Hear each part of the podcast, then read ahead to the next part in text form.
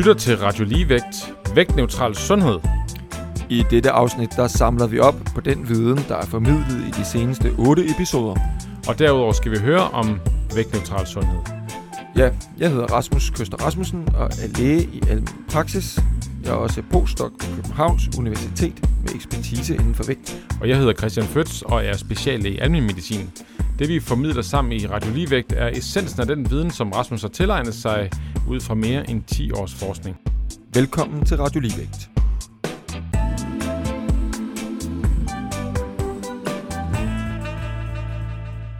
Og vi starter øh, vores, øh, vores snak her om at lige tage et vy på, hvad vi har hørt her i hele sæson 1.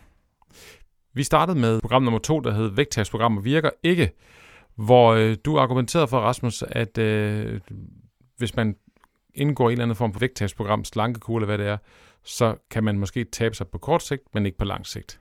Ja, det korte, det korte konklusionen var på det var jo noget i retning af, at alle slankekurer virker på kort sigt, men ingen virker på lang sigt.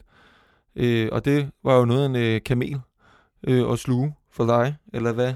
Jo, det må man sige. Det, jeg, jeg, det, en ting er, at man, at man forstår det, øh, eller man, man, man forstår, at der ligger ikke evidens for det, men, men, men det at så rent faktisk applicere det øh, ude med, med sine patienter, kan være lidt svært. Så er det hver gang, man hører noget, hvor man, man har gået og troet noget i mange år, øh, der er på en eller anden måde, og hvis det så viser sig at ændre sig, så kræver det noget tilvænding og, og, og vende sig til det. Det tænkte jeg, det måske har gjort for dig. Helt klart, altså det er jo noget viden, som jeg har haft i, i, i mange år egentlig, og øh, at, at det alligevel har ligesom været svært for mig at, at acceptere. Det, det er det faktisk. Øh, det næste øh, afsnit, der hørte vi om øh, tæl ikke kilo, til kilometer. Man kan opnå sundhed på andre måder end ved at prøve at tabe sig. Man kan jo for eksempel øh, smide badevægten ud og øh, kigge på sin skridttæller i stedet for at så øh, tælle skridt, for det er sundt øh, med fysisk aktivitet.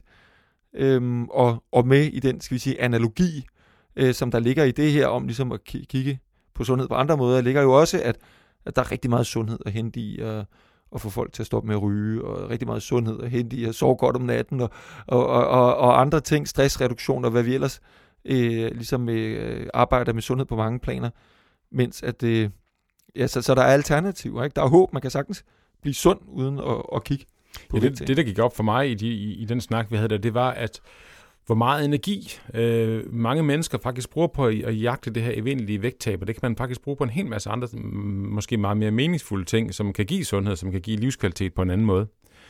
Det næste afsnit, vi havde, det hedder tyk, fed eller overvægtig, hvor vi sådan diskuterede, hvad kalder man egentlig mennesker med et forhøjet BMI, og øh, vi fandt ud af, at det er noget tabuiseret og svært område. Jeg synes i hvert fald stadigvæk, det er svært, hvad man kalder det. Nu, nu bestemte, bestemte vi os så for, at det skulle hedde tyk her, men øh, jeg synes, jeg har, jeg har det stadig svært med at skulle bruge den term. Ja, og, øh, og vi blev jo også enige om, at vi vil ikke have nogen forbudte ord her i Radio Ligevægt, så om man siger overvægtig, eller hvad man siger, det, øh, det, det, øh, det, det har man lov til, når man er sådan nogen som os læger, fordi vi er altså lidt langsomme i optrækket med at skifte til nye terminologier måske. Men, men man skal jo tænke på, at vi simpelthen er blevet fuldstændig øh, øh, opflasket med de der terminologier, der er her, og det betyder faktisk også noget jo ret konkret med BMI-grænser og så videre. Men, men, men konklusionen var, at, at dem, som øh, er tykke, i hvert fald dem, der er forholdt, de eneste, der virkelig har forholdt sig til det tyk, aktivisterne, de er helt fuldstændig klar i spyttet. De vil kaldes tykke, øh, og ikke overvægtige eller fede, som de opfatter som, som negative ord. Øh, så i det næste afsnit, der øh, det hed, det er ikke ens egen skyld, at man er tyk. Og der øh, kiggede vi dels på noget med biologien, altså med gener, øh, hvor meget det betyder.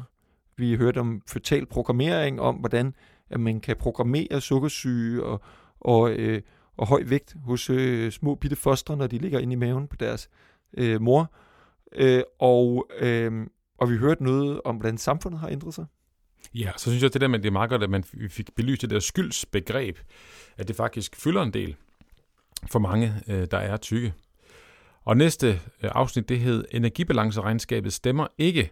Og den gør op med den der øh, måde at tænke øh, overvægt på, som et eller andet saldo på en konto, hvor man, hvor man sætter kalorier ind og trækker kalorier ud, at der er faktisk meget mere komplekst end som så.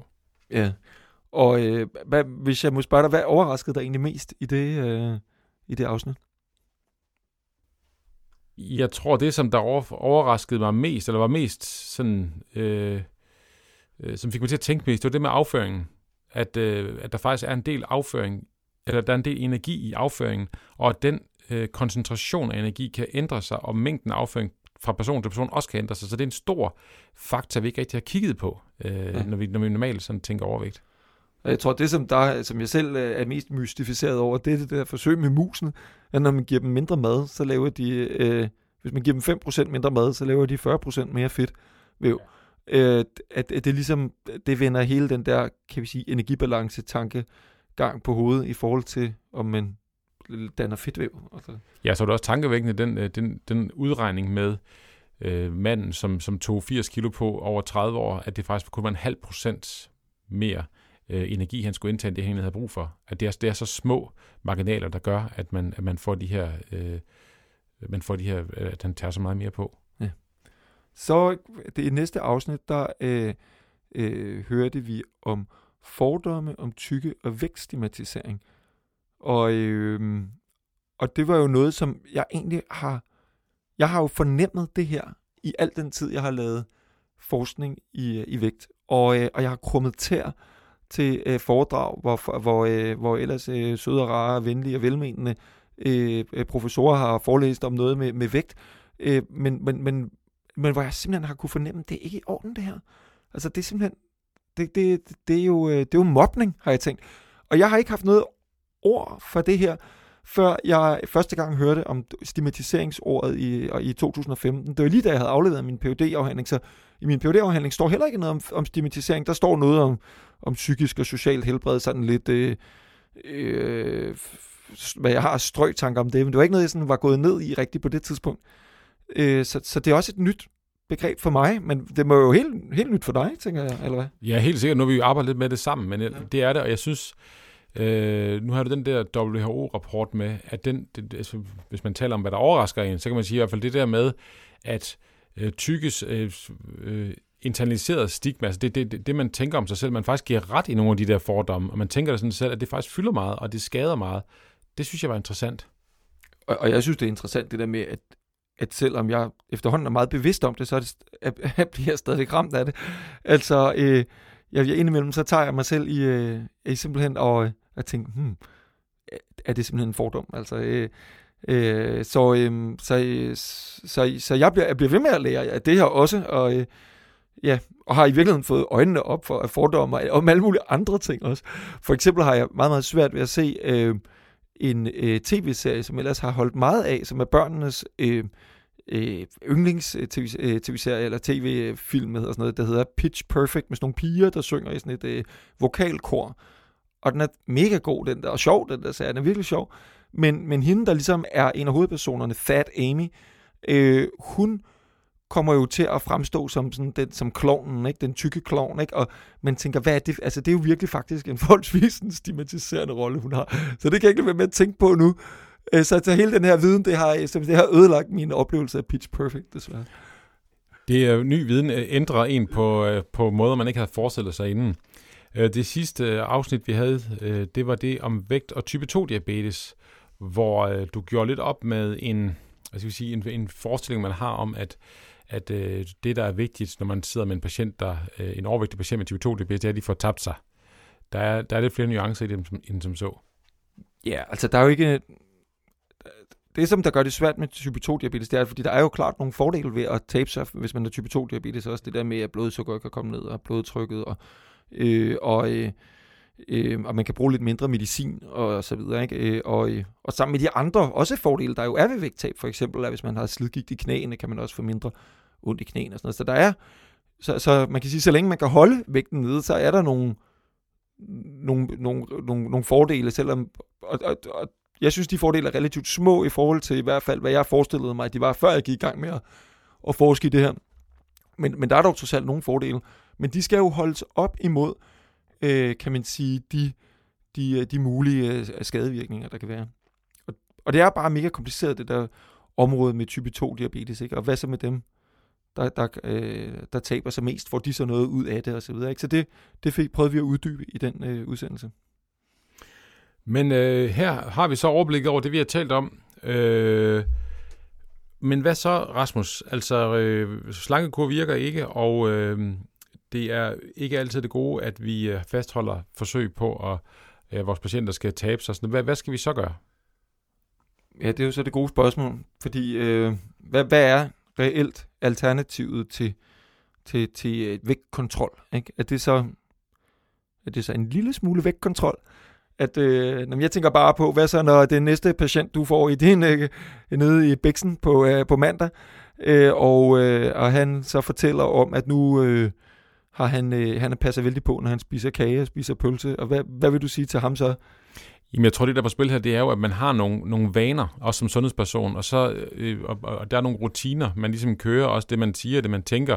Men så er der nogle lag, nogle refleksionslag langt om bag det, eller op over det, hvor, hvor, som, som bygger på nogle antagelser. Og jeg tror, når man så får rystet sine antagelser i det lag, for eksempel det her med slankekur, der ikke virker, jamen så tager det, det tager tid at sive ned i systemet.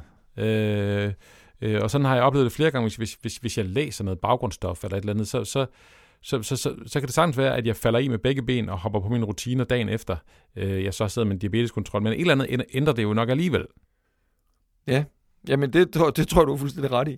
Og, øhm, og jeg tænker, men, men jeg tænker så meget på, altså fordi jeg tænker også, at vi skal skulle, altså hvad er vejen fremad her, ikke? Øh, og hvis det ikke er vægtkontrol, og jeg tænker, man kan jo heller dårligt sige til en patient, at øh, det, det, det er fint, du passer på ikke at spise kage og, og, og, og, og slik, øh, men du behøver måske ikke passe så meget på, men du skal alligevel passe en lille smule på. Eller altså, at, er det eneste logiske alternativ ikke at sige, at, at så skal man spise, hvad man vil, og, øh, og lade vægten flyde? Altså, at, er, er det ikke, øh, det ved jeg ikke, er der andre muligheder? Eller altså, man kan sige, hvis man sidder over for patienten, så er det jo noget med at have en individuel tilgang, øh, som man jo altid har. Men hvis man kigger på lidt mere sådan overordnet her, hvor, hvor, som den snak, vi har haft her, så, så, så, har du vel, øh, så er det vel en logisk konsekvens af den viden, vi har nu, øh, som jeg hørte, at, at man skal ikke fokusere så meget på det her, på det her vægt. Nej, og der er flere ting i det også. Ikke? Jeg synes også, der er noget med det der kropsaccept, for eksempel, som er, som er vigtigt. Øh, altså, at folk simpelthen får ødelagt deres øh, kropstilfredshed, og altså hele den der internaliserede stigma om, hvordan man, øh, man øh, vender fordommene om tykke mod sig selv osv. Så, så, øh, så, så der er, man er nødt til at arbejde med noget kropsaccept, som jeg tror grundlæggende ikke kun handler om tykke mennesker, det handler også om, om øh, tynde mennesker. Altså det handler, det er i virkeligheden et, et tilbagevendende tema i almen praksis, at kropsaccept i et eller andet sted. Øh, og, øh, og, og, og med, jeg synes, det kommer lidt i en pakke med, at man så på en eller anden måde øh, ja, accepterer sin vægt, som, som den nu er. Lad den finde sit naturlige leje. Øh, og, og, og måske også noget med det der med, at man så kan opnå sundhed på andre måder, ikke? At man kan, øh, at man kan tælle øh, kilometer i stedet for at tælle kilo.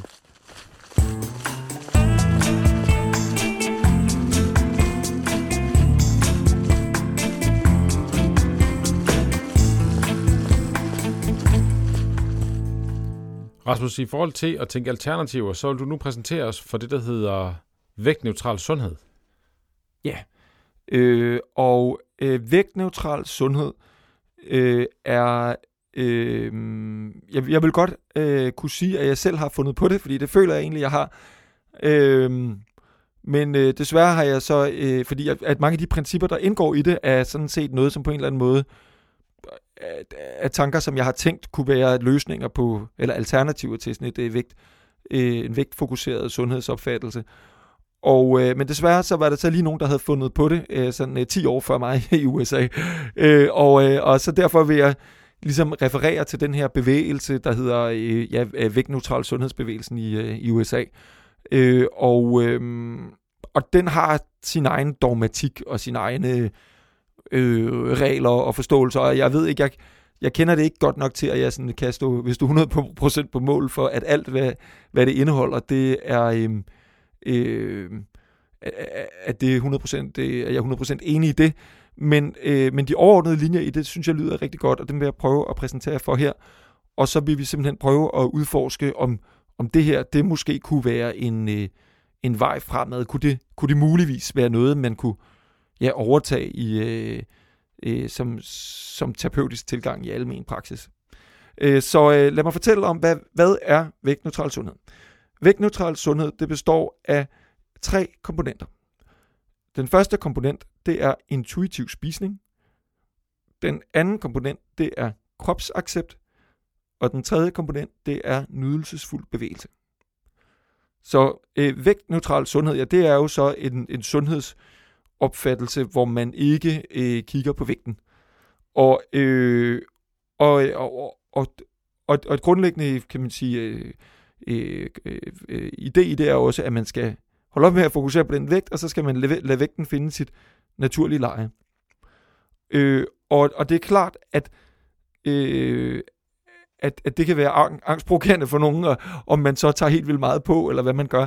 Øh, og, øh, og, og det har man faktisk undersøgt i, øh, i, øh, i nogle studier. Man har et enkelt lodtrækningsstudie, hvor man har testet sådan en vægtneutral øh, øh, sundhedstilgang mod et vægttabsprogram.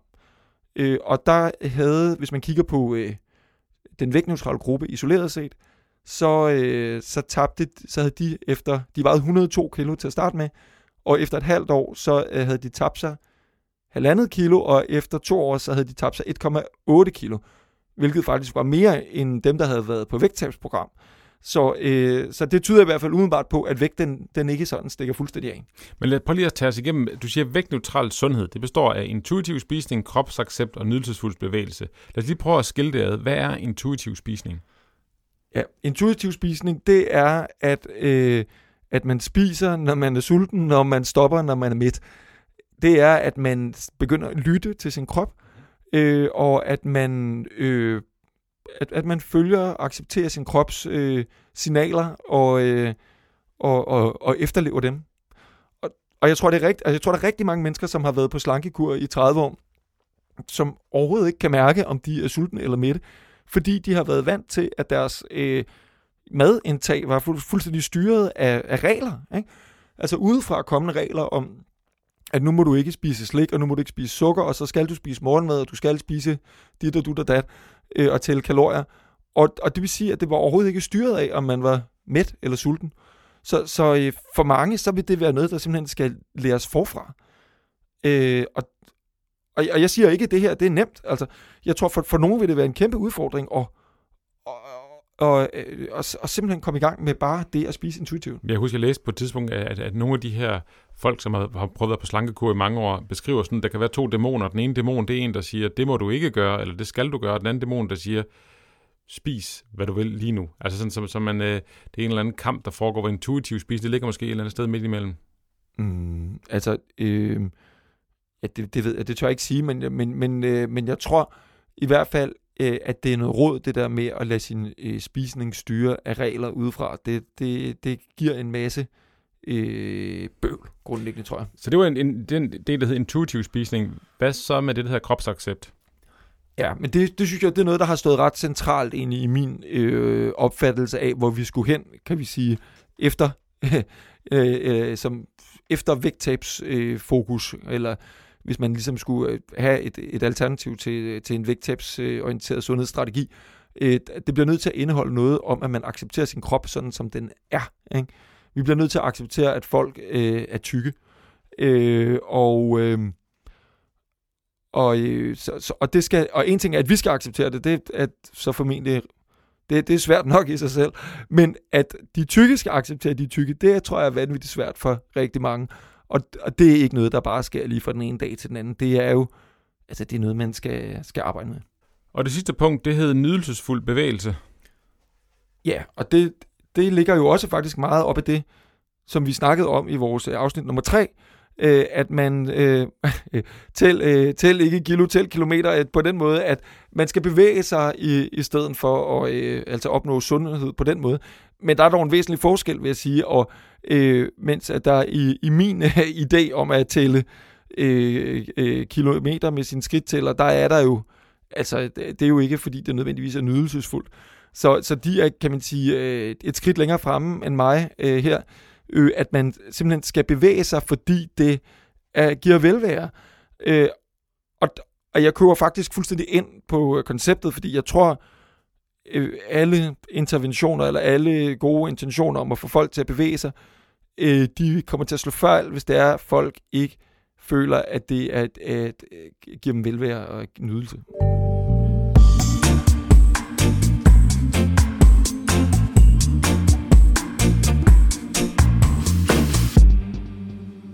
Så her til allersidst, øh, tænker du, at øh, det er vejen frem?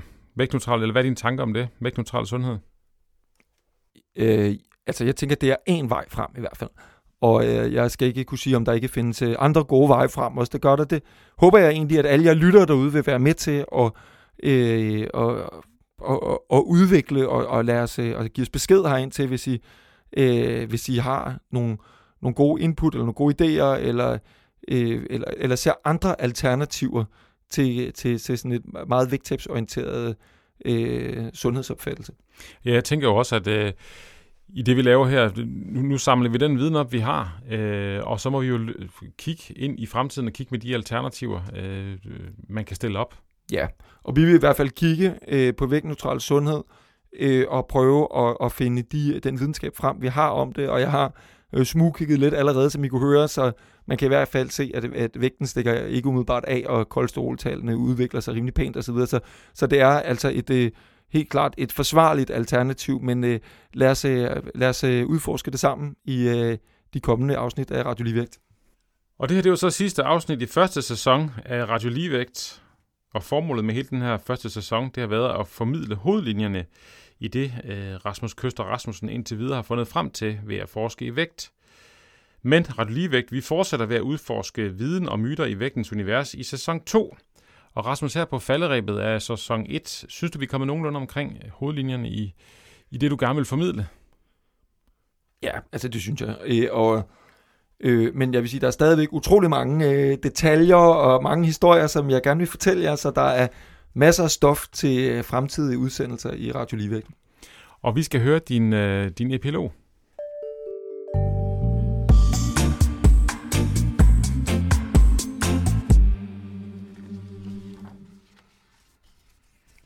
Vi må slå en streg i sandet. Hvad vil vi have? Sundhed eller tyndhed? Hvis det er sundhed, vi er her for, så lad os fokusere på det. Vægttabsprogrammerne er ineffektive til at opnå større gevinster for det fysiske helbred. Vægttabsprogrammer overlader det til individet at stoppe en samfundsskabt stigning i befolkningens BMI. Dette har vist sig at være en umulig opgave og skaber forståeligt nok jojo-vægt og frustrationer hos mange – i sundhedsvæsenet har vi hidtil ignoreret viden om vægtfokus betydning for den mentale sundhed. Men heller ikke klassisk medicinsk litteratur om for eksempel bekymrende tab af knoglemasse efter pulverkur tages i betragtning, før vægttab anbefales i snart sagt hver eneste behandlingsvejledning. Vi har et problem med videnssiloer. Læger læser videnskabelige artikler, som henvender sig til læger, og psykologer læser videnskabelige artikler, som henvender sig til psykologer. Vi interesserer os kun for den viden, der er i vores egen silo. Og viden om samme emne i andre siloer, det lader vi som om ikke eksisterer. Til min store overraskelse, så opdagede jeg, at der eksisterer en omfattende videnskabelig litteratur af metodemæssigt veludførte, både eksperimentelle og epidemiologiske studier, som dokumenterer etablerede og mulige skadevirkninger ved en vægttabsorienteret sundhedsstrategi. Herunder en betydelig litteratur om, hvordan internaliseret vækststima påvirker den enkeltes psykiske og sociale sundhed. Med mit kendskab til stigma-litteraturen indtil videre, så anser jeg det for sandsynligt, at 100.000 vis af danskere er præget af internaliseret vækststigmatisering i større eller mindre grad. Internaliseret vækststigmatisering er medvirkende årsag til blandt andet angst, depression, stress og spiseforstyrrelser. Vi må have øje for hele menneskets sundhed. Og vores praksis skal naturligvis afspejle den viden, der er til rådighed. De beskedende gevinster i fysisk sundhed skal vejes op mod eventuelle skadevirkninger på den mentale sundhed. Alt andet er useriøst og uetisk. Men hvordan tipper Justitias vægt? Det er svært at gøre op, hvor vi vejer kød mod ånd. Og hvad er der af reelle alternativer til vægttabsparadigmet? Hvis du synes, at vægtneutral sundhed virker som en mulig vej videre, så følg med i næste afsnit af Radio Ligevægt.